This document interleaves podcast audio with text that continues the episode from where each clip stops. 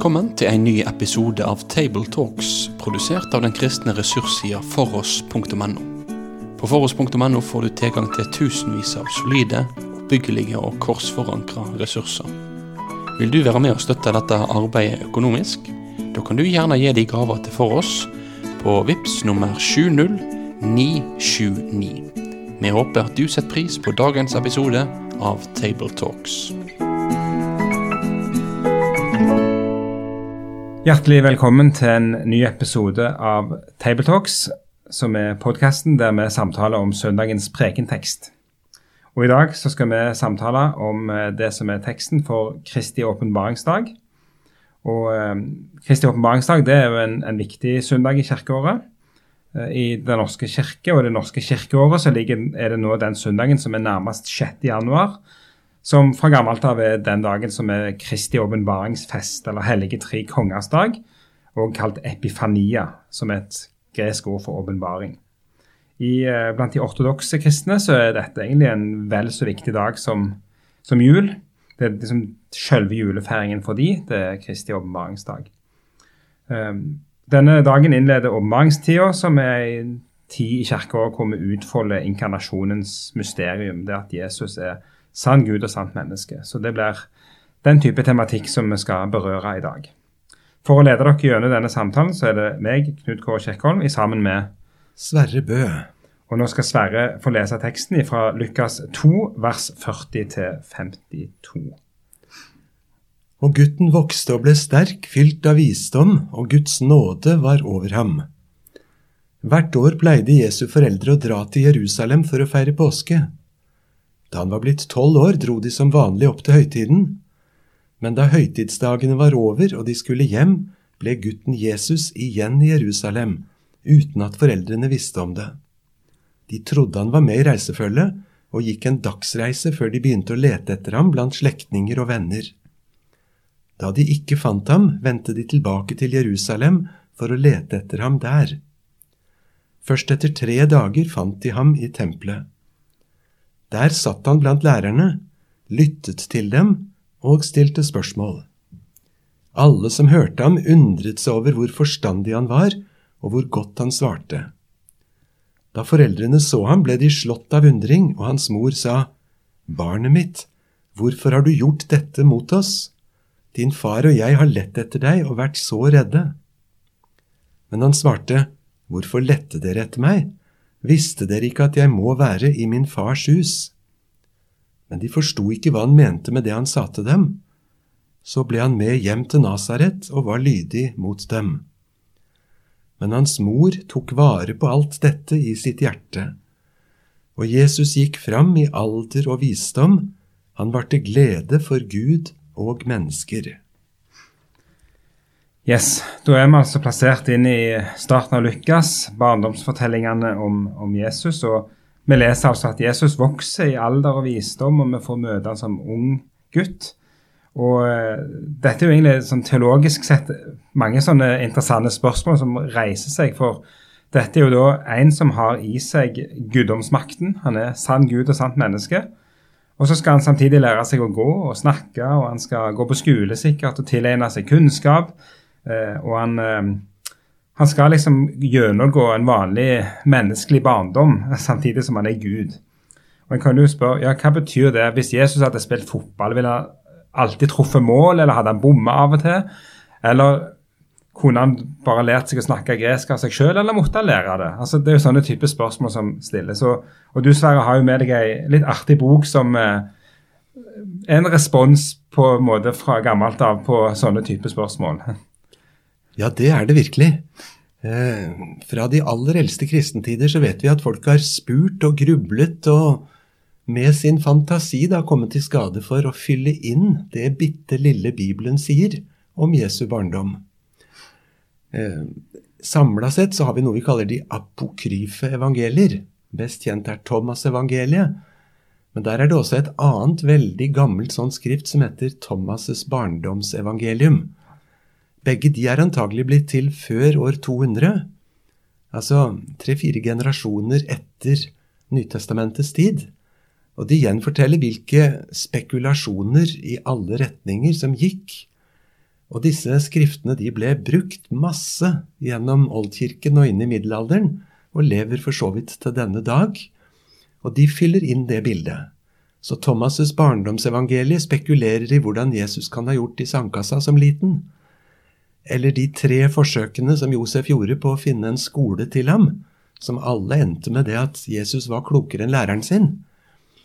Og ja, det er mange rett og slett litt morsomme og fornøyelige fortellinger som altså er blitt til som rene spekulasjoner blant de første kristne, eller gnostisk tidlig generasjon. Ehm, og de prøver da å utfolde det du snakker om. Kunne Jesus egentlig alt på forhånd? Kunne han alfabetet både på gresk og hebraisk, og kunne han all visdom før den tid? I vår tekst står det at Jesus tolv år gammel kunne sitte og både spørre og lytte til de lærdes drøftinger i tempelet.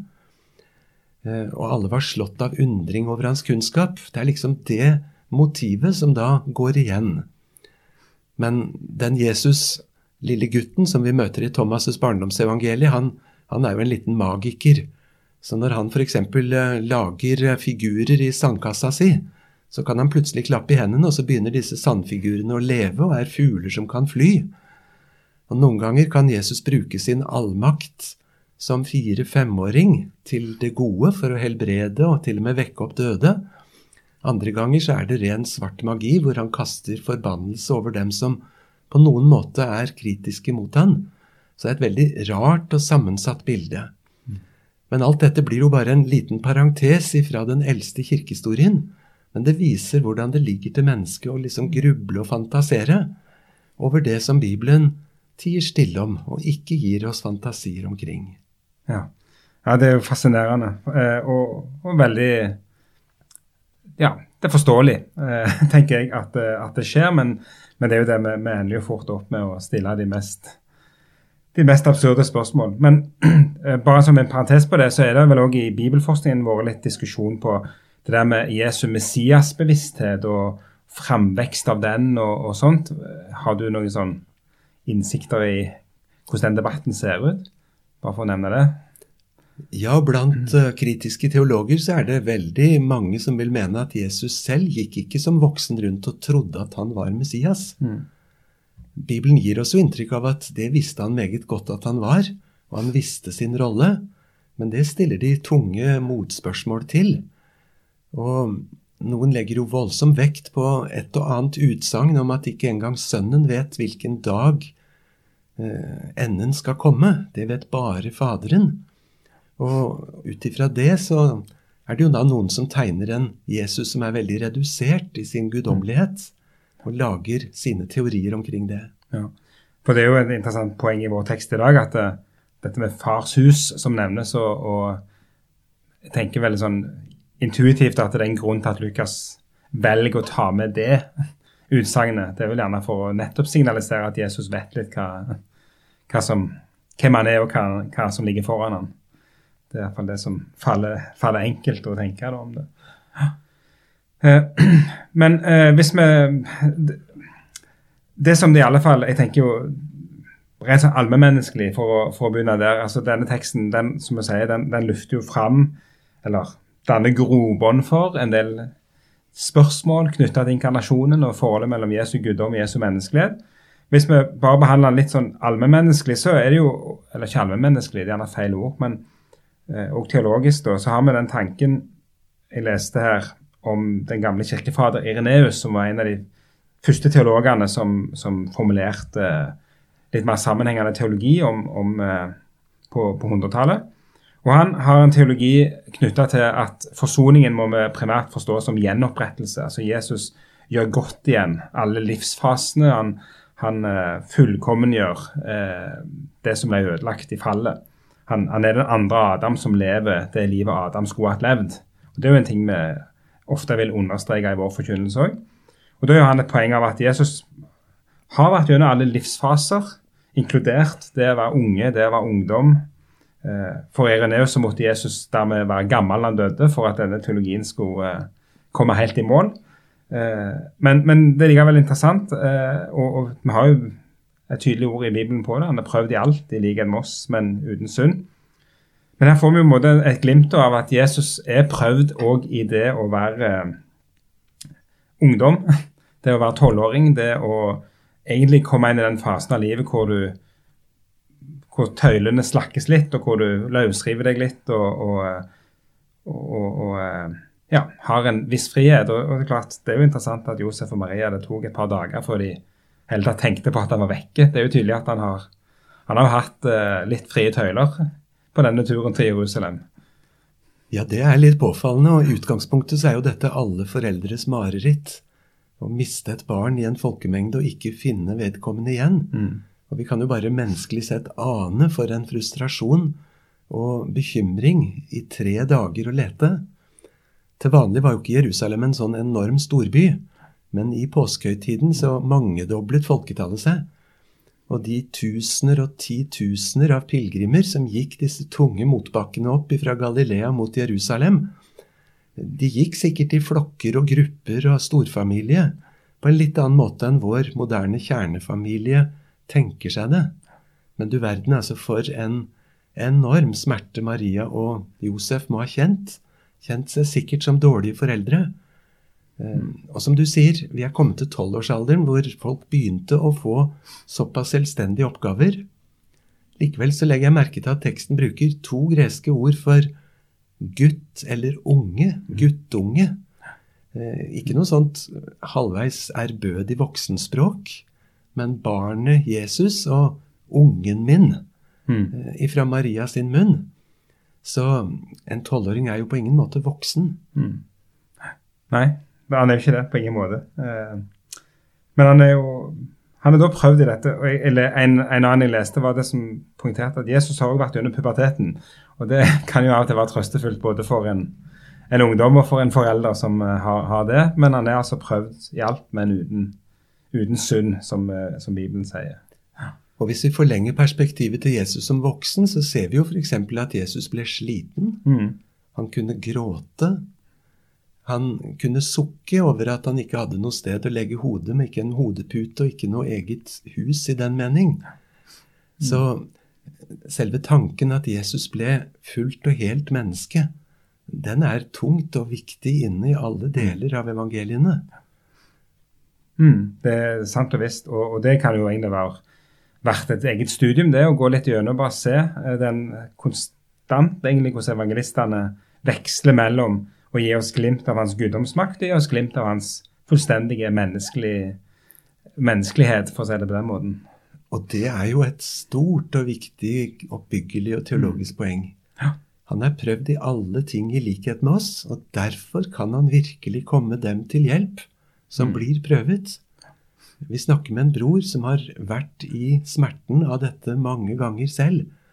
Og Det er jo særlig hebreerbrevet som utfolder hvor sterkt vi skal få lov til å trygt komme fram akkurat som vi er. Mm. Et annet punkt som jeg tenkte på i, når jeg leste på denne her teksten, er jo også litt interessant å legge merke til denne familien som uh, Jesus tross alt ble født inn i. da.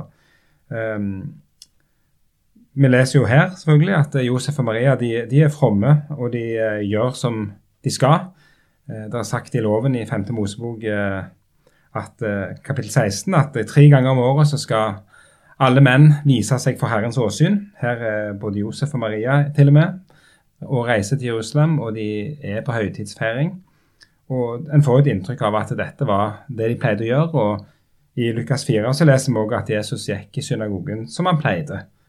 Så Du får liksom et sånn inntrykk av at uh, når Gud først da valgte foreldrene til Jesus, så valgte han òg et ektepar som som var et gudfryktig ektepar. og Jesus får vokse opp i en familie som kjennetegnes av gudsfrykt og fromhet. og Kone Skriftene var kjent med gudstjenestelivet helt fra han var en liten gutt. Og, eh, og det er jo sånn Ja. Eh, kanskje til inspirasjon til undervisning. Mm. Ja, for det tror jeg er ment som et forbilde for oss også. Mm.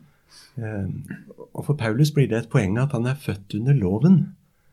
Eh, og eh, for Jesus selv var det et poeng at han kom for å oppfylle loven. Og eh, han var jo ikke den som ville oppheve den. Mm. Så her er det mange poeng langs veien av en en gutt, Jesus, som lever i samsvar med de klassiske, gudgitte rammene.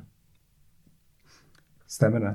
Og, og det er jo interessant, synes jeg, å se på disse her. Altså, Josef han er liksom den som sjelden tar ordet, men handler og gjør det som Gud sier han skal gjøre. Og Maria er den som tenker og grunner på ting. Og, så det er det sånn interessante, både begge de personene i tillegg i dette her. Og, og det, det, er vel gjerne også litt av grunnen til at vi har I teologihistorien har vi også sett selvfølgelig at det utvikles lærere om Maria. og om ubesmitta unnfangelse. og Det er mange ting. Og det er sikkert fordi at igjen vi, vi ser noe her i disse to personene, og så fyller den inn med litt, litt ekstra. Og Samtidig skal vi si til hverandre at selv om det er tanker vi kan gjøre oss, og vi får av barna våre, og kanskje kjenner inni oss selv, så må vi være skrifttro og la være å spekulere der Bibelen ikke gir oss direkte, ord for ord, materiale for det. Mm. Det er en liten kamp med vår egen uh, nysgjerrighet. Det er jo det. Og det er jo få ting som trigger mer enn en sånn fortelling som dette, der du får, uh, får uh, alle de små detaljene som roper etter og blir fulgt ut med ekstra informasjon.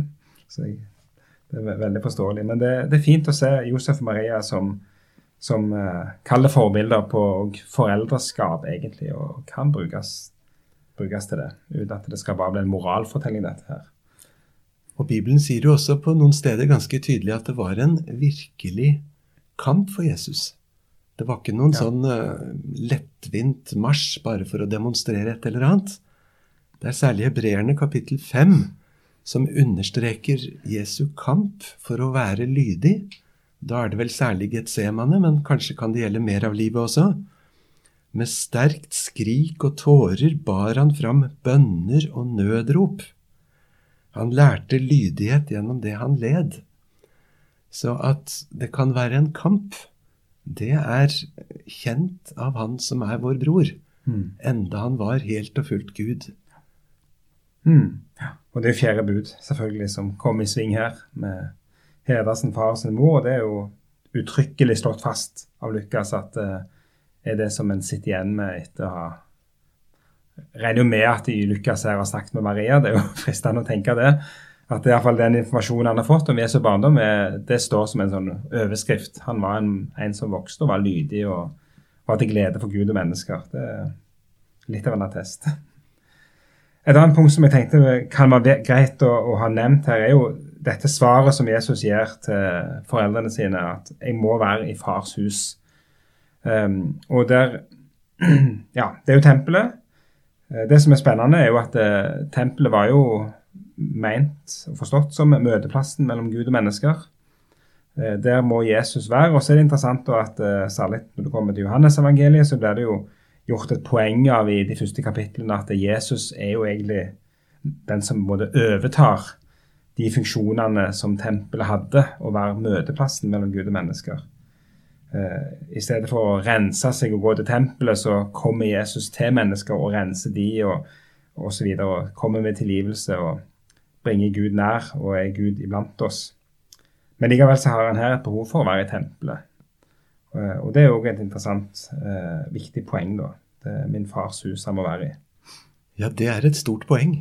Og på gresk står det jo enda litt sterkere enn eh, vi har det på norsk. Der står det Visste dere ikke at det er nødvendig for meg å være forbli i min fars hus? Nettopp, ja. ja. Mm. Og dette møtestedet mellom Gud og mennesker, jeg syns det er så sterkt formulert i andre Mosebok, i disse lange kapitlene om innredningen av tempelet, så sier Gud 'Jeg vil møte deg der'.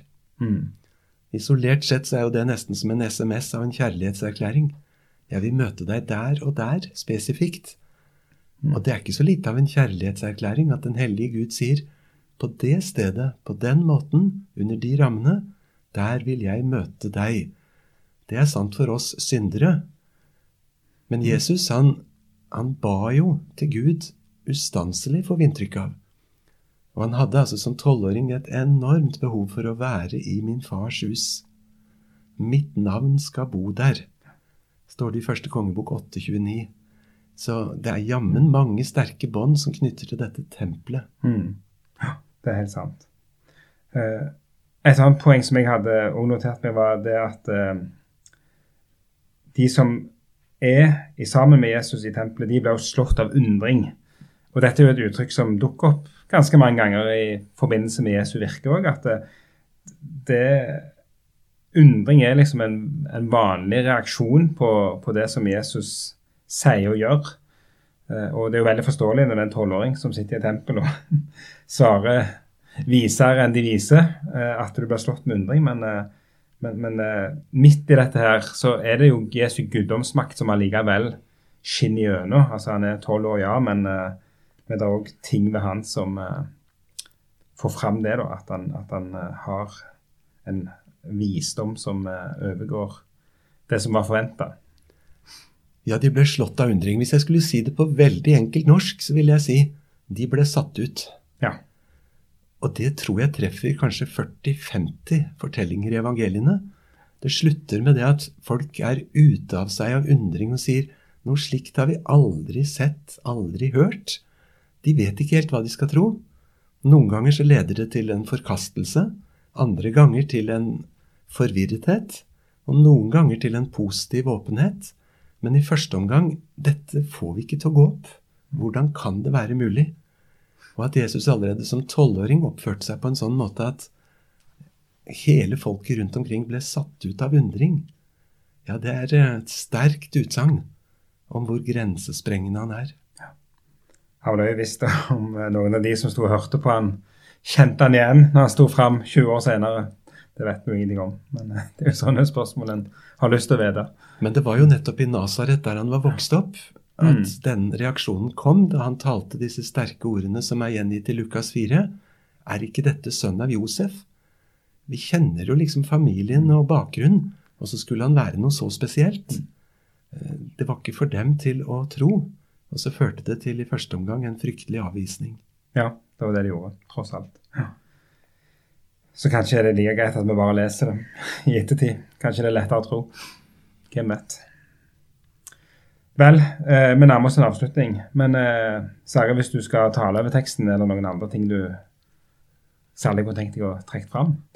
Jeg tror nok et hovedpoeng for meg denne søndagen ville være å male ut den invitasjonen som ligger i at Jesus ble vår bror, og at han er prøvd i alle ting, og at han nettopp derfor skal være oss til hjelp og at vi skal legge til side den derre bekymringen for å komme så usminka til Jesus med elendigheten vår.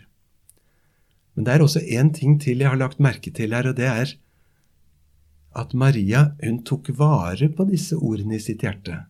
På gresk står det enda litt forsterket diaterei. Hun holdt på med å tviholde på disse ordene. Hun gjemte det i sitt hjerte. Eh, hun var ikke så fort ferdig med det. Det førte på ingen måte til noen avvisning. Og vi møter det noen andre ganger i evangeliene også, med den måten Maria liksom tok til ettertanke, tok en timeout på det. Men ikke sånn lettvint, men lot det synke inn, og så modnes det etter hvert. Jeg har så lyst til å ligne Maria når jeg møter noe i Bibelen som jeg ikke helt får til å gå opp. At jeg ikke så lett legger det til side og sier det for teologene styrer med men at jeg prøver å holde fast ved det i mitt hjerte, i bønn til Den hellige ånd. Og man kan forklare meg rekkevidden og dybden og retningen i det som da skjer. Mm, veldig godt poeng. Og så er det jo ellers til de som taler, det, det er jo som sagt en uh, Kristi åpenbaringsdag, og det er inkarnasjonen.